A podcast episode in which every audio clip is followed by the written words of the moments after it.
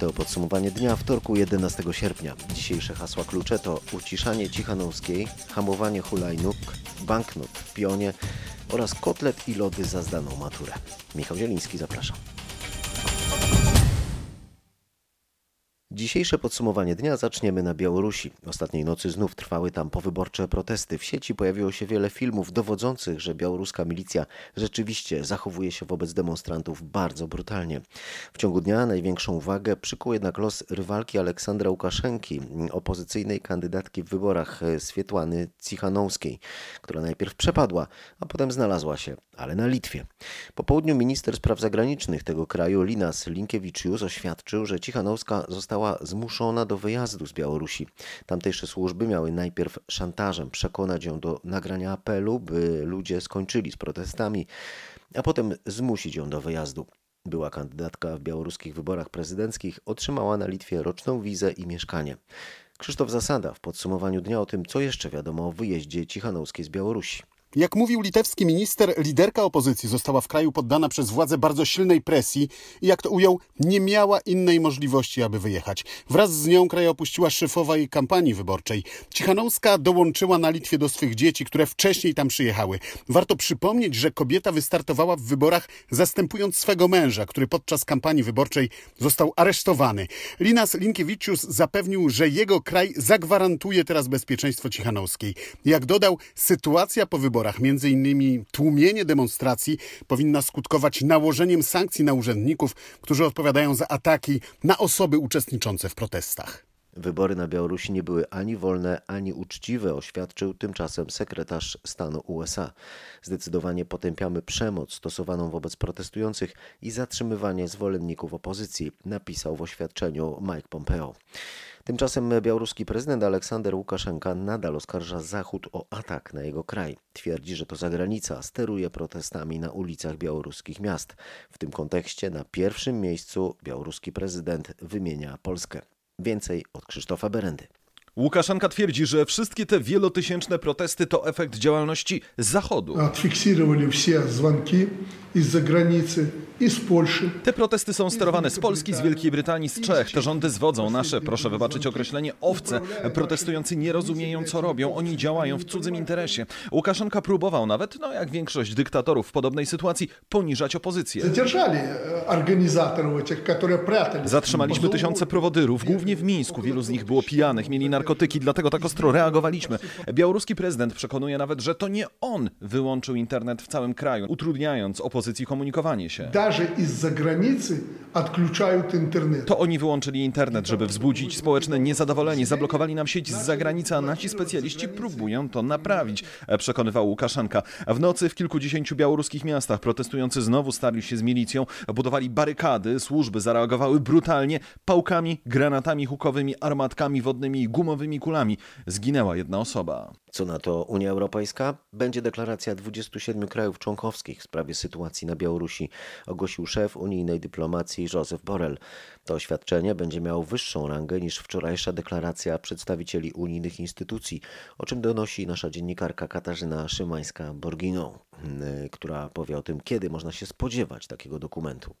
Rzecznik szefa unijnej dyplomacji Peter Stano powiedział, że deklaracja zostanie opublikowana tak szybko jak to możliwe. Nie wykluczył, że nastąpi to jeszcze dzisiaj. Trwa jednak analiza sytuacji na Białorusi, utrudniona blokowaniem przez władze internetu. Odbywają się również zakulisowe rozmowy dyplomatów krajów członkowskich. Jak będzie ostry ten dokument i czy będzie w nim mowa o sankcjach, to także pole do popisu dla polskiej dyplomacji. Tradycyjnie Włochy, Węgry, Cypry czy Grecja są w tych kwestiach hamulcowymi. W polskich restauracjach, barach, sklepach, na ulicach można coraz częściej usłyszeć nie tylko język ukraiński, ale również białoruski. Wieczorem mieszkający w naszym kraju Białorusini zebrali się przy pomniku Kopernika na krakowskim przedmieściu w Warszawie. Domagamy się prawdy. Nasz prezydent na dzisiaj, Świetłana Cichanowska,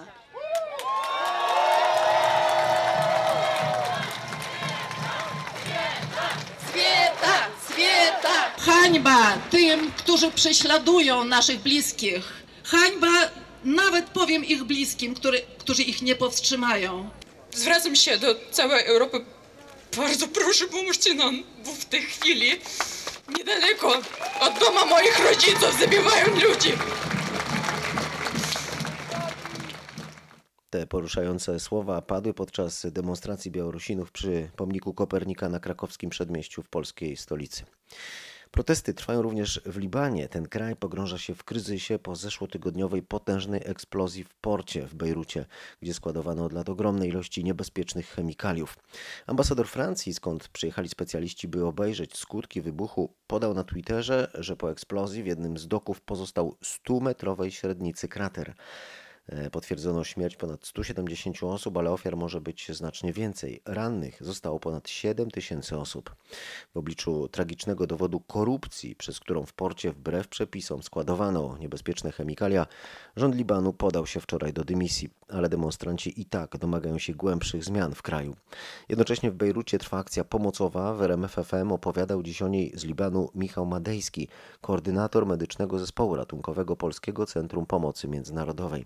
Zniszczenia są dalej, dalej takie, jakie, e, jakie były. O, dużo mm, tego gruzu, szkła, które leżało na ulicach, już jest uprzątnięte. Tutaj mm, społeczeństwo, mieszkańcy Bejrutu bardzo się zaangażowali w to, żeby doprowadzić e, no, tą swoją okolicę, najbliższe otoczenie do takiego e, stanu, w jakim no, dałoby się poruszać chociażby przez, przez, po, po ulicach. Natomiast w dalszym ciągu trwa bardzo duże sprzątanie. E, Akcja poszukiwawcze czy akcje grup poszukiwawczo-ratowniczych zostały zakończone w dniu wczorajszym, a w tej chwili skupiamy się na, na pomocy e, tym ludziom, którzy stracili dachy nad głową, którzy stracili e, bardzo dużo ze swojego, ze swojego mm, dobytku, a pomagamy tym, którzy z jednej strony albo nie zgłosili się bezpośrednio po wybuchu do e, lekarzy z tego względu, że traktowali swoje rany jako, jako niewielkie, a one z czasem stały się dokuczliwe, a, albo tym, którzy w wyniku sprzątania mm, odnoszą, odnoszą jakieś e, obrażenia, bo, bo tutaj w każdym, albo w nie wielu z tych budynków, do których ci ludzie wchodzą, żeby posprzątać, żeby wy- wycią- wyciągnąć swoje rzeczy w dalszym ciągu, e, nad głowami wiszą elementy konstrukcji, które niestety czasem e, spadają, a, a tutaj jeżeli chodzi o zachowanie środków bezpieczeństwa, Jak na sytuację w Bejrucie, jak na to, co się teraz dzieje po tym wybuchu, sytuację humanitarną wpływa również no, epidemia koronawirusa, która przecież też tam jest obecna? No tutaj e, rzeczywiście ten, ta epidemia e, koronawirusa no, została w pewnym sensie zapomniana na te pierwsze kilka godzin po, po, po wybuchu. Skupiono się na pomocy ludziom, którzy wymagali natychmiastowej pomocy medycznej. E, Dość powiedzieć, że w jednym z, z większych szpitali tutaj mm, w ciągu dwóch godzin pojawiło się ponad 300 osób, które wymagały pomocy. Spośród tych wszystkich, którzy się zgłosili, czyli tych wszystkich rannych osób, ponad 6 tysięcy, jak, jak dzisiaj podają komunikaty, ponad 50% to byli ci, którzy wymagali pomocy, mm, pomocy chirurgicznej, od małych zabezpieczeń do, do, do poważniejszych e, operacji. E, Tutaj rzeczywiście mm, w związku z tym ta, ta, mm, no, ta pomoc medyczna staje się dość, dość ważna, szczególnie ze względu na to, że, że szpitale dwa z, z, z największych szpitali tutaj po prostu przestały funkcjonować ze względu na konsekwencje wybuchu. Mówił pan, że na początku ta epidemia została trochę zapomniana w pierwszych godzinach po wybuchu, czy teraz po siedmiu dniach e, trochę bardziej przypomniała o sobie ta epidemia. Wiem też, że chorują ratownicy pracujący w Bejrucie, prawda? Pojawiają się takie informacje. Tak, no niestety, niestety Ministerstwo Zdrowia podaje informacje o tym, że zwiększa się liczba osób, u których potwierdzono ym, COVID-19, w tym również wśród pracowników służby zdrowia.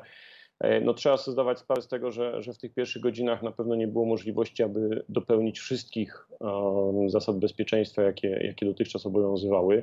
A w związku z tym no, trochę nie dziwi to, że, że tego typu liczby, że te liczby się, się, się zwiększają. E, Natomiast rzeczywiście w tej chwili bardzo dużą mm, uwagę przykłada się do tego, aby odrestaurować ten e, system pomocy w taki sposób, aby uwzględnić też potencjalne zachorowania, potencjalne zakażenia wirusem, poten- poten- potencjalne zachorowanie na COVID-19 i zarówno na poziomie szpitali, ale też na poziomie tych e, klinik e, takich przychodni, które znajdują się w terenie, jak również na przykład takich mobilnych klinik, w których my dzisiaj, my dzisiaj pracujemy. O tym, jak koronawirus nakłada się na nieszczęście mieszkańców Bejrutu po potężnym wybuchu z zeszłego tygodnia, mówił Michał Madejski, koordynator medycznego zespołu ratunkowego Polskiego Centrum Pomocy Międzynarodowej, a rozmawiał z nim Paweł Balinowski. Całość rozmowy na rmf24.pl. W Polsce trzeci dzień z rzędu spada liczba przypadków zachorowań na koronawirusa. W ciągu minionej doby testy wykazały 550 nowych przypadków, a to znacznie mniej niż rekordowe niemal 850 sprzed kilku dni. Nadal zdarza się sporo zakażeń związanych z weselami. Jedno z takich ognisk powstało na Podkarpaciu. Zakażonych jest 9 osób, a prawie 100 przebywa na kwarantannie, podaje nasz reporter Maciej Płachicki. Zakażeni są uczestnicy wesela, które odbyło się 1 sierpnia w Rzeszowie. COVID-19 potwierdzono u 6 osób z Rzeszowa i 3 osób z powiatu rzeszowskiego. Łącznie w imprezie wzięło udział 92 gości i dwie osoby z obsługi. Wszystkie zostały objęte kwarantanną, a wczoraj u 28 z nich przeprowadzono testy na obecność koronawirusa. W Urzędzie Gminy w Dubiecku koło Przemyśla potwierdzono 11 wyników dodatnich, w tym u 5 pracowników oraz 6 osób z kontaktu z pracownikami tego urzędu. Na terenie tej samej gminy odnotowano również drugie ognisko zachorowań w miejscowości Drochobyczka powiązane z uroczystościami rodzinnymi. Potwierdzono tam ogółem 27 zakażeń, a dwie osoby zmarły. Kolejny klub piłkarski Ekstraklasy musi sobie radzić z przypadkiem zakażenia koronawirusem. Tym razem to Pogoń Szczecin. Patryk Serwański z redakcji sportowej o tym, jakie procedury wprowadza teraz klub. Rezygnuje z treningów w grupach, piłkarze dostaną rozpiski treningów indywidualnych, będą ćwiczyć w domach. W klubie jeden test dał wynik pozytywny. Wszystkie osoby, które miały kontakt z zakażonym trafią na kwarantannę. Osoba zakażona dziś przejdzie kolejne testy, następne po upłynięciu 48 godzin. Senepid może także podjąć decyzję o ponownym przebadaniu całej grupy. Wtedy negatywne wyniki pozwoliłyby skrócić w klubie kwarantannę. W niedzielę Pogoń ma zagrać mecz z Podhalem Nowy Targ w Pucharze Polski. Wcześniej o pozytywnych wynikach pojedynczych testów na koronawirusa informowano Wiśle Płock, Lechii Gdańsk i Legii Warszawa. Dwie trzecie Polaków obawia się zakażenia koronawirusem, wynika z najnowszego sondażu United Survey dla RMFFM i dziennika Gazety Prawnej. Natomiast zachorowania na COVID-19 nie boi się niemal 31% ankietowanych. Te wyniki przeanalizował nasz dziennikarz Patryk Michalski i powie, czy Polacy wiedzą, jakie obostrzenia obowiązują w miejscach, gdzie mieszkają. Deklarują, że tak. Z sondażu wynika, że ponad 92% ankietowanych wie, jakie restrykcje ich obowiązują. Tylko 7,5% odpowiedziało, że nie wie, jakie są obowiązujące zasady ze względu na zagrożenie koronawirusem.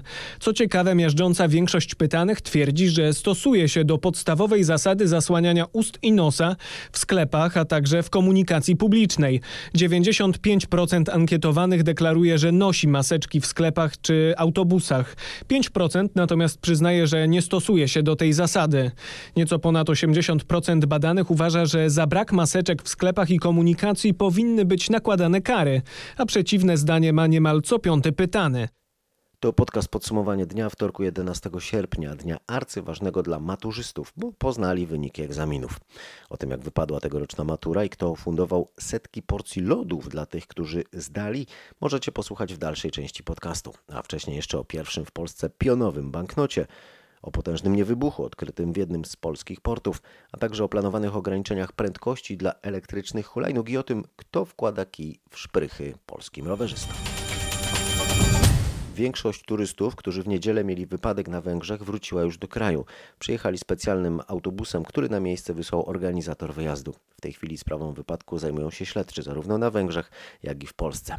A ile osób musiało zostać w węgierskich szpitalach? O tym Marcin Buczek. W szpitalach na Węgrzech zostały dwie osoby. Ich stan jest poważny, ale życiu nic nie zagraża. 43 kolejne osoby wróciły do kraju. Tam, gdzie na stałe mieszkają, w razie potrzeby mogą teraz korzystać z pomocy psychologów z centrów interwencji kryzysowych. Sprawą od razu zajęli się śledczy na Węgrzech, bo to tam doszło do wypadku, ale swoje postępowanie rozpoczęła również prokuratura w Bielsku Białej, bo to tam ma siedzibę biuro organizujące wyjazd, a sprawa dotyczy turystów z Polski. W tej chwili to strona węgierska ma pierwszeństwo w prowadzeniu śledztwa, ale istnieje również możliwość przeniesienia go do Polski, bo to tu między innymi mieszkają kierowcy oraz poszkodowani turyści. Ostateczna decyzja w tej sprawie należy jednak do Węgrów. W całym kraju przed oddziałami Narodowego Banku Polskiego tworzyły się dziś długie kolejki. Do obiegu wprowadzono bowiem niezwykły nowy banknot kolekcjonerski o nominale 20 zł. Co wyjątkowe, jako pierwszy w historii jest w formacie pionowym. Brzmi dziwnie, zamiast sobie wyobrażać, można go zobaczyć na naszej stronie rmf24.pl. Ten banknot upamiętnia setną rocznicę Bitwy Warszawskiej. Przed wrocławskim oddziałem NBP pierwsze osoby pojawiły się jeszcze przed wschodem słońca, A z kolejkowiczami rozmawiał nasz reporter Paweł Pyclik. O której pan przyszedł tutaj? 4.20. Cel większości, jak pan widzi, jest tu raczej zarobkowy. Jego wartość rynkowa już na obecną chwilę jest y, szacunkowana przez rynek na 260 zł. A tutaj w banku ile się płaci? E, 80. Bitwa Warszawska, wiadomo, nie? Trzeba mieć. Koniecznie. To już jest obowiązek kolekcjonera. No ładnie zalakowany, kolorowy, Piłsudski jest, bardzo piękny jest. Ten z Bitwy Warszawskiej ma dla pana jakieś szczególne znaczenie? Tak, bo mój pradziadek walczył. Pochodził z Władysławowa, brał udział w tej bitwie, był nawet ranny, cudem przeżył. Potężny pocisk artyleryjski znaleziono na terenie portu rybackiego Gryf w Szczecinie. Nie wybuch z czasów II wojny światowej. Może mieć nawet półtora kilometrowy promień rażenia. Więcej informacji ma nasza reporterka Aneta Łuczkowska, która powie, kiedy zabiorą się za niego saperzy. To może potrwać jeszcze kilka, a może nawet kilkanaście dni. W Centrum Zarządzania Kryzysowego opracowywany jest plan neutralizacji niewybuchu. Trzeba ustalić, jak się do niego dostać, jak wydobyć i jak w bezpieczny sposób przewieźć go na poligon. Jak usłyszałam w Urzędzie Miasta, w grę ma wchodzić ewakuacja, choć dotyczyć będzie ona raczej jedynie pracowników portu. Pocisk został znaleziony pod koniec ubiegłego tygodnia podczas prac budowlanych. Miejsca, gdzie leży, pilnują policjanci, strażnicy miejscy i żołnierze WOT. Minister Sprawiedliwości planuje wprowadzenie ograniczeń prędkości dla hulajnóg elektrycznych. W myśl projektu, o czym donosiły dziś media, po chodniku będzie można poruszać się z prędkością nie większą niż 8 km na godzinę, po ulicy 20, a po ścieżce rowerowej elektryczna hulajnoga będzie mogła jechać nie więcej niż 25 km na godzinę. Tymczasem brak ścieżek rowerowych i odpowiednich zabezpieczeń na drogach dla jednośladów to największa bariera dla rowerowej rewolucji w Polsce. Tak wynika z najnowszego raportu Polskiego Stowarzyszenia Rowerowego. W czasie pandemii Polacy masowo przesiadają się na rowery. Co czwarty ankietowany zdecydowanie częściej korzysta ze swojego jednośladu, a połowa w czasie wakacji zamierza podróżować właśnie na rowerze. Nasz reporter Grzegorz Kwolek o tym, na co zwracają uwagę autorzy tego badania. Największym problemem dla rowerzystów jest brak bezpiecznej infrastruktury. Połowa uważa, że ścieżek rowerowych jest za mało, a co trzeci, że te, które już istnieją, nie są bezpieczne. Ponad 60% domaga się większej liczby specjalnych dróg dla jednośladów. Najlepiej sytuacja wygląda na Mazowszu i w Wielkopolsce, najgorzej w Świętokrzyskiem i na Opolszczyźnie. Autorzy raportu zwracają uwagę, że w innych krajach Europy w czasie pandemii powstało ponad 1000 km nowych ścieżek. Tylko w Wielkiej Brytanii na ten cel przeznaczono 2 miliardy funtów. Tegoroczna matura wypadła gorzej niż ubiegłoroczna. Rok temu egzamin dojrzałości zdało ponad 80% absolwentów, a w tym roku o 4 punkty procentowe mniej. Ta matura odbyła się miesiąc później i bez egzaminu ustnego. Jej wyniki przedstawił dziś szef Centralnej Komisji Egzaminacyjnej Marcin Smoli. W sumie e, tegoroczni e, maturzyści rozwiązali zadania w ponad milionie 371 tysiącach arkuszy. To jest przeprowadzony egzamin, który trwał 17 dni. Ogromne podziękowania i dla dyrektorów szkół, i dla członków zespołów nadzorujących, że ten egzamin przebiegł spokojnie, pomimo tego, że były tak istotne obostrzenia e, sanitarne. Ogromne podziękowania dla zdających za zachowanie spokoju, zimnego, takiej zimnej krwi i e, ogromnego ducha, że do tego egzaminu przystąpili tak, jak planowali. Ogromne podziękowania również dla ponad 21 tysięcy egzaminatorów, dla 1250 przewodniczących zespołów egzaminatorów, którzy znowu w tych trudnych warunkach a, zdecydowali się nas, nam pomóc, podobnie jak w latach ubiegłych. Tak jak zawsze mogliśmy na nich liczyć, tak i w tym roku mogliśmy na nich liczyć. Bardzo im za to ogromnie e, dziękujemy. A, I tak jak powiedziałem, przeprowadzono również 437 egzaminów ustnych. To były głównie egzaminy z języka angielskiego. Tak jak mówiłem, przystąpili do nich ci zdający, którzy potrzebowali wyników rekrutacji na uczelnie zagraniczne. Teraz, a jak e, e, wygląda, e, wyglądają wyniki tegorocznego egzaminu e, maturalnego? Już w tej chwili egzamin maturalny zdało 74% wszystkich absolwentów, którzy do tego egzaminu e, przystąpili. A to jest wynik, który mieści się mniej więcej w połowie tej stawki, która zazwyczaj egzamin maturalny zdaje. Były wyniki wyższe, były wyniki niższe. Tutaj nie zadziało się nic e, niepokojącego, jeśli chodzi o e, te nasze obawy, o których mówiłem na początku swojego wystąpienia. Kolejne 17% zdających e, ma jeszcze szansę a, przystąpienia do egzaminów terminie poprawkowym, więc przed nimi egzamin, jeśli tylko mają taką ochotę 8 września i ten egzamin mogą zdać, a 8,8% już w tej chwili, dzisiaj dowiedziało się, że egzaminu maturalnego a, nie zdało, ponieważ nie zdało egzaminu z dwóch albo trzech przedmiotów e, obowiązkowych. Egzaminu z dwóch przedmiotów nie zdało 6,8% e, tegorocznych absolwentów, egzaminu z trzech przedmiotów nie zdało 2% tegorocznych absolwentów. Dyrektor Centralnej Komisji Egzaminacyjnej Marcin Smolik dodał, że uczniowie mieli największe problemy z przedmiotami ścisłymi na poziomie rozszerzonym. Z matematyki, chemii czy fizyki uczniowie najczęściej dostawali 1 trzecią maksymalnej liczby punktów. Z egzaminem lepiej poradzili sobie uczniowie liceów, uczniowie techników mieli o kilka do kilkunastu punktów procentowych gorsze wyniki. Jak słyszeliście, wyniki matur pozostają w normie średniej, wieloletniej, ale pojawia się krytyka wobec Ministerstwa Edukacji, które w czasie pandemii nie zorganizowało dodatkowych zajęć. Minister edukacji Dariusz Piątkowski w odpowiedzi twierdzi, że winni mogą być nauczyciele, bo rok temu strajkowali, ale także sami uczniowie. Z jednej strony strajk z poprzedniego roku szkolnego, kiedy przez kilka tygodni nie odbywały się zajęcia. Być może część materiału nie została dobrze przyswojona i nie było jakiegoś większego powtórzenia. Być może część maturzystów w tym roku nie wykorzystała dobrze tego czasu dodatkowego, który był. Spokój, poprawka albo porażka. Maturzyści znają już wyniki, część jest pozytywnie zaskoczona, o czymś się przekonał nasz reporter w Lublinie Krzysztof Kot. Jezus, zdałam matmę! Jak zdałam matmę! O Jezus Maria! Czy podać jakieś środki uspokajające? No to jak z tą matmą już wiemy, Nie, nieważne, zdałam ją. ale z zapasem nawet. Rozumiem, pełnia szczęścia. Tak, jest cud nad Bystrzycą.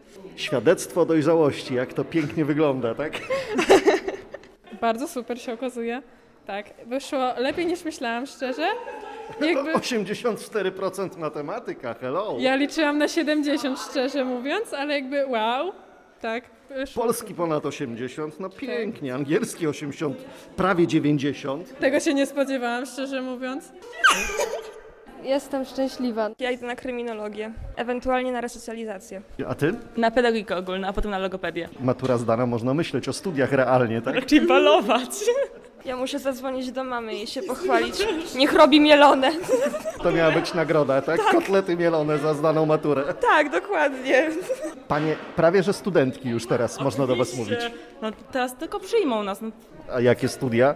Bo też czasu za wiele nie macie, rozumiem, że już gdzieś jesteście zarejestrowani. Ja na przykład na UMCS się zarejestrowałem i mam nadzieję, że się tam dostanę. I na jaki kierunek? Prawa administracji, coś takiego. To maturzyści z Lublina. W Szczecinie nagrodą za zdaną maturę były nie tylko kotlety u mamy, ale też lody w jednej z lodziarni. Wystarczyło okazać świadectwo dojrzałości. Chłodzący smakołyk dla maturzystów ufundowała Akademia Morska, mówi rzeczniczka uczelni Weronika Bulicz. Każdy z nas pamięta w dzieciństwie, jak mama zabierała nas na lody po rozdaniu świadectw. Postanowiliśmy nagrodzić ich tym słodkim upominkiem. Czy jeżeli ktoś y, zdał, ale słabo, to dostanie małą gałkę? Zapraszamy wszystkich bardzo serdecznie, niezależnie od wyników. Śmietankowe. Melon z chili. Myślę, że maturzyści mogą czuć się przynajmniej trochę docenieni. A teraz y, czujecie się zobowiązani, żeby iść na studia na Akademię Morską? To była transakcja wiązana. Dużo osób jeszcze nie jest sprecyzowanych a propos kierunków. To już macie wybrane? Waham się, ale ten lód da mi po prostu oświecenie. Odnotujmy jeszcze, że egzamin ósmoklasisty od przyszłego roku będzie się odbywał miesiąc później. Minister edukacji przy okazji konferencji podsumowującej wyniki matur zapowiedział, że sprawdzian kończący szkołę podstawową będzie prowadzony pod koniec maja. Dariusz Piątkowski wyjaśnił, że to efekt rozmów z dyrektorami szkół, które urzędnicy prowadzili przy okazji egzaminu w tym roku przesuniętego z powodu pandemii. Dyrektorzy szkół podstawowych wyraźnie jednak wskazywali, że tak wczesny termin przeprowadzania egzaminu e, demobilizuje ósmoklasistów i oni w końcowym etapie roku szkolnego są mniej zmobilizowani, mniej przykładają się do nauki. Nie wiadomo, czy zmiana będzie trwała. Dodam, że termin egzaminu dojrzałości nie zmieni się. Matury mają nadal odbywać się na początku maja, a podsumowanie dnia będzie nadal wpadać do Waszej ulubionej aplikacji podcastowej codziennie od poniedziałku do piątku. Kolejny odcinek zatem już jutro. Zachęcam do słuchania i subskrybowania. Pozdrawiam i do usłyszenia.